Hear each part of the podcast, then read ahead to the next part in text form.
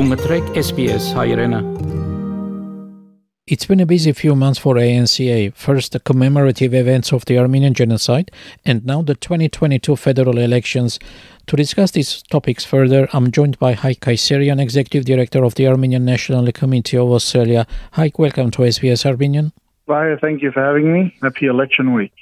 Yeah, hi. First, let's recap the commemorative events of April 24 and the messages sent by the parties. Was there any surprise just a month away from the federal elections? You know, I think uh, the Armenian Australian community deserves a little bit of a, a collective pat on the back because the continuous battle to have Australia recognize the Armenian genocide over many decades has brought us to this point. And I imagine that maybe a couple of days or a couple of weeks before April 24, the officers of the Prime Minister of Australia and the opposition leader of Australia, Scott Morrison and Anthony Albanese, sit around the thesaurus and they think of what words they can use to describe what happened to our ancestors 107 years ago without using the main word that matters.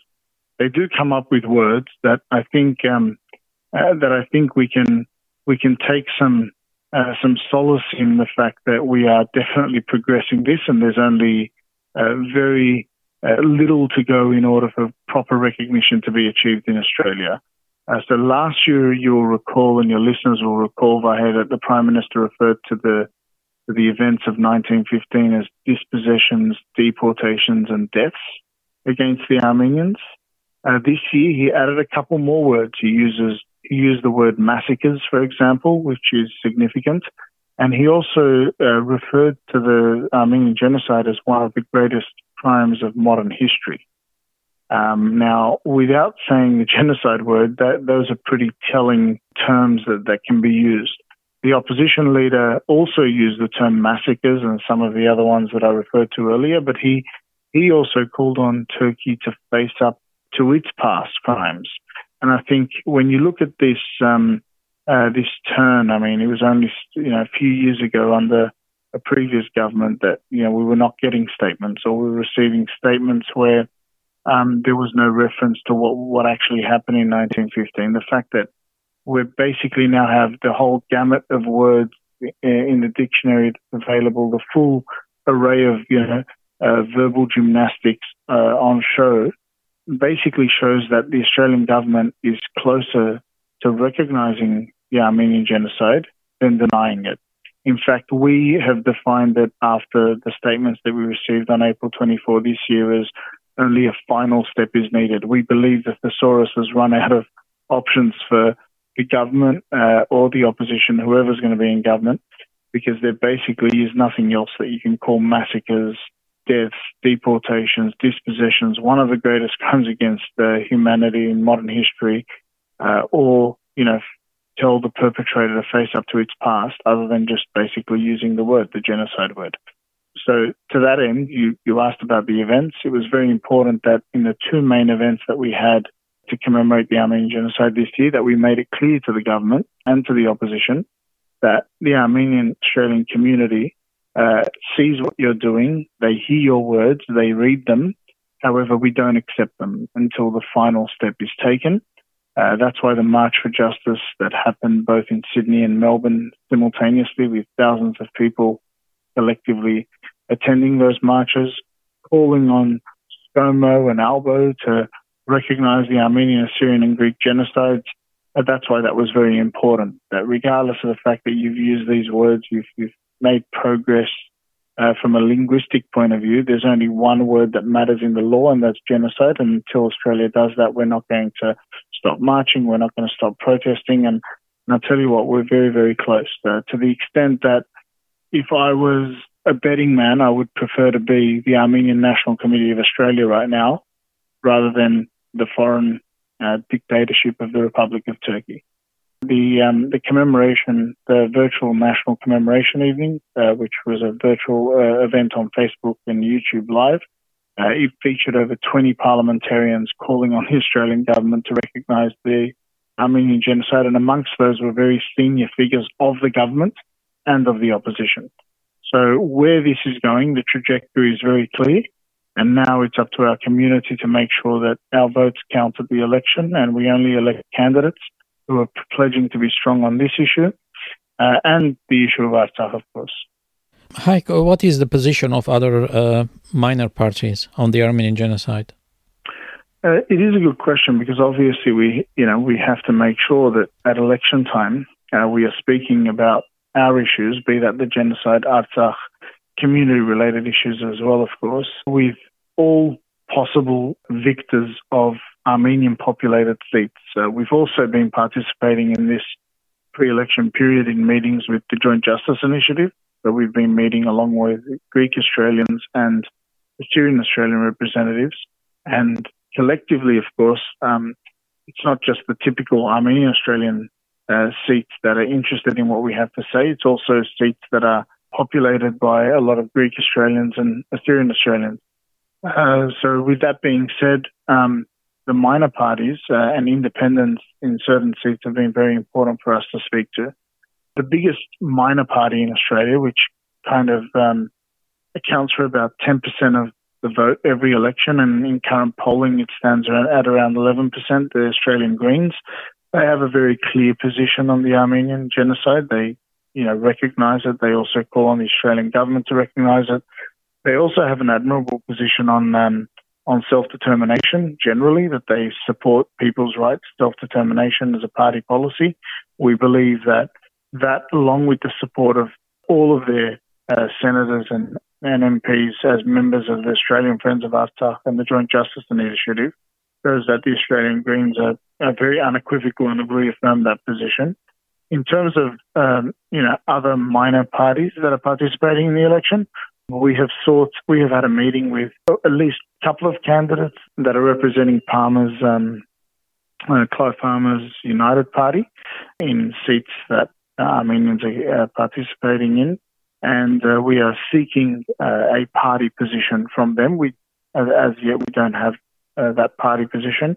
One of their representatives, Craig Kelly, famously visited Azerbaijan and, and spent some time with Ilham Aliyev um, couple of years ago. So we do want to make sure that that party stands up, stands for our rights now. Secondly, uh, I would also probably bring to attention that there are certain members of the One Nation Party that have declared uh, allegiance on our issues as well in the past when we've been lobbying Senate, but not specifically with regards to this election.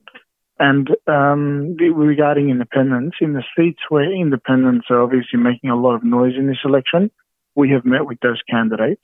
And in our final report card, which will be released this week, over the next 48 hours, our community will be able to see before they head to the polls where each of the candidates in their respective electorates stand on, I mean, genocide recognition by Australia, on the rights of the people of Artsakh, on a sustainable uh, Armenian homeland.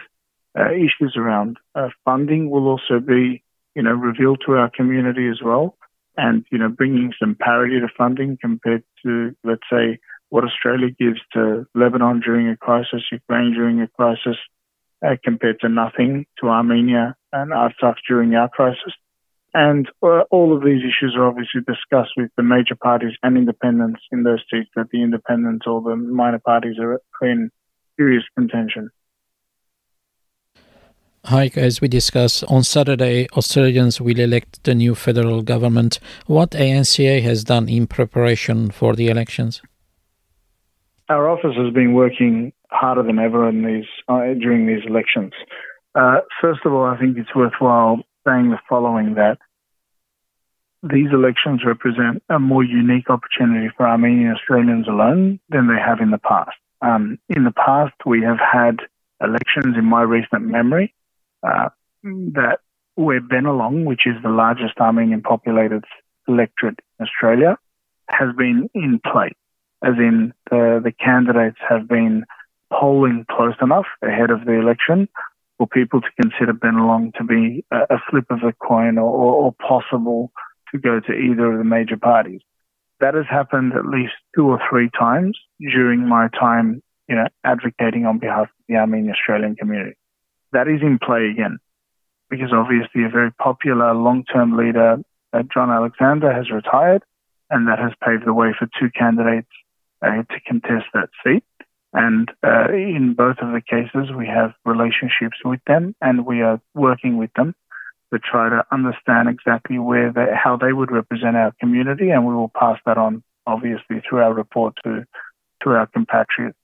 But unlike past elections where Bennelong has sometimes been in play, we also have other seats that are traditionally uh, not at risk, let's say, or not in contention. They're typically blue seats or typically red seats that are currently in contention. And probably the most most telling of those is North Sydney, which in my living memory has always been a blue ribbon seat for the for the Liberal National Coalition, or the Liberal Party, actually, to be specific. Uh, but because of the challenge of a strong Labor and independent candidate, that is also in play. So the fact that just for the Armenian Australian community, we have two seats where our vote can actually make the difference, the absolute difference, it is important for us to meet with the candidates and make sure that we present exactly what they stand for, but also what their parties stand for ahead of the polls. We have also participated in meetings across uh, the country uh, with candidates in Western Sydney, in Armenian populated seats in Melbourne, in seats in Adelaide. Uh, we've also participated in uh, in meetings along with our uh, brothers and sisters of the Greek Australian and the Assyrian Australian community in seats in the eastern suburbs of Sydney, in the western suburbs of Sydney, in um, in Melbourne, and putting all of these meetings together, we will be presenting uh, to our community through our report card where each of the candidates stand on all the issues that we believe uh, our community is concerned about. We will see if the candidate is pledging to join the Joint Justice Initiative, which means that they support Armenian Assyrian and Greek genocide recognition. Uh, we will let our community know if the candidate is willing to sign the Australian Friends of Artsakh pledge, which means that they support the right to self-determination of the Republic of Artsakh. Will reveal to our community if the parties that these people represent have made any pledges to our compatriots uh, who are struggling as a result of the war in Artsakh. You know, we have uh, asked the government and the opposition uh, to pledge funding to Nagorno-Karabakh, uh, in particular through humanitarian organizations that are looking after the, the displaced and the detained uh, Armenians as a result of Azerbaijan's aggression in the Republic of Artsakh. We have also um, sought commitments from the parties regarding you know, where they stand in terms of taking the final step towards recognition of the genocide.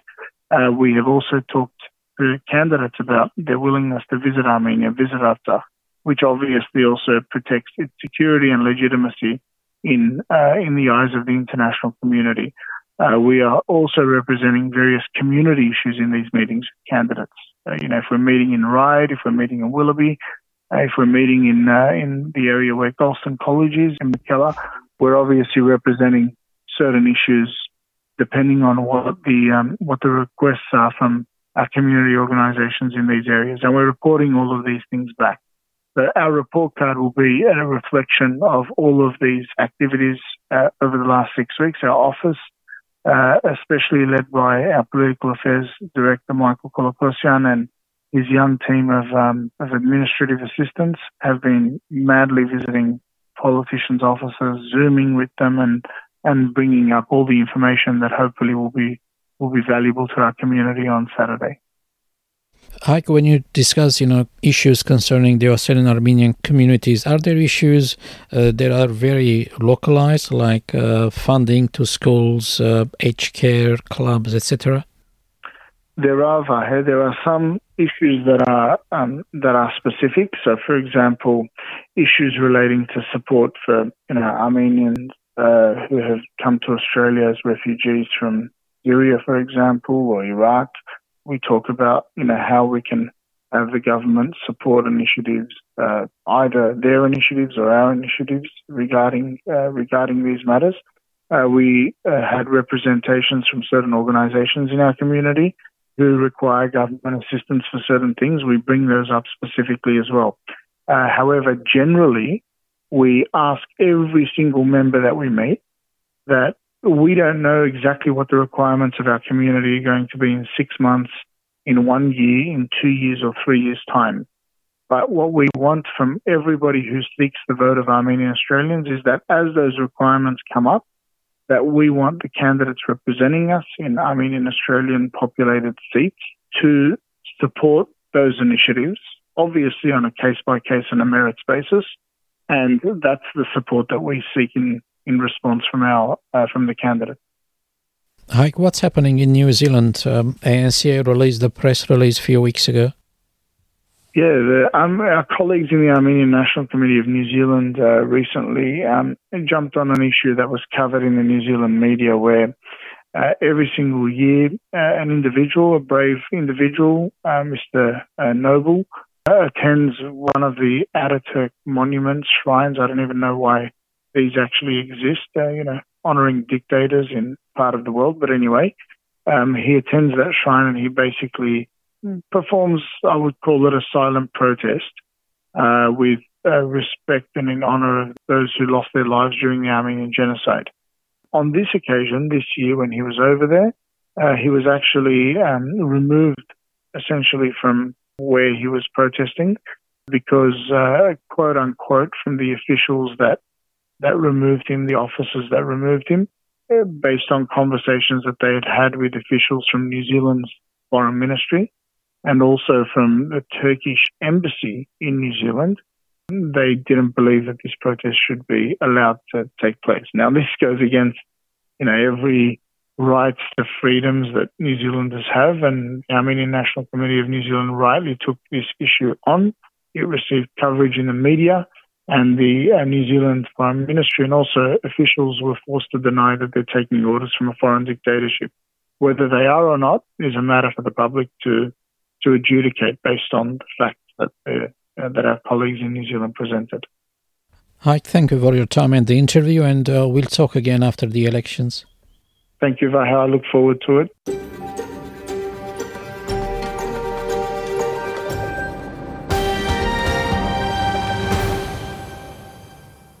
Our guest was Hai Kayserian, Executive Director of the Armenian National Committee of Australia. Կուզես լսել նման բաժանումներ, կընտրե Apple Podcast-ի, Google Podcast-ի, Spotify-ի վրա, կամ որտեղեն որ podcast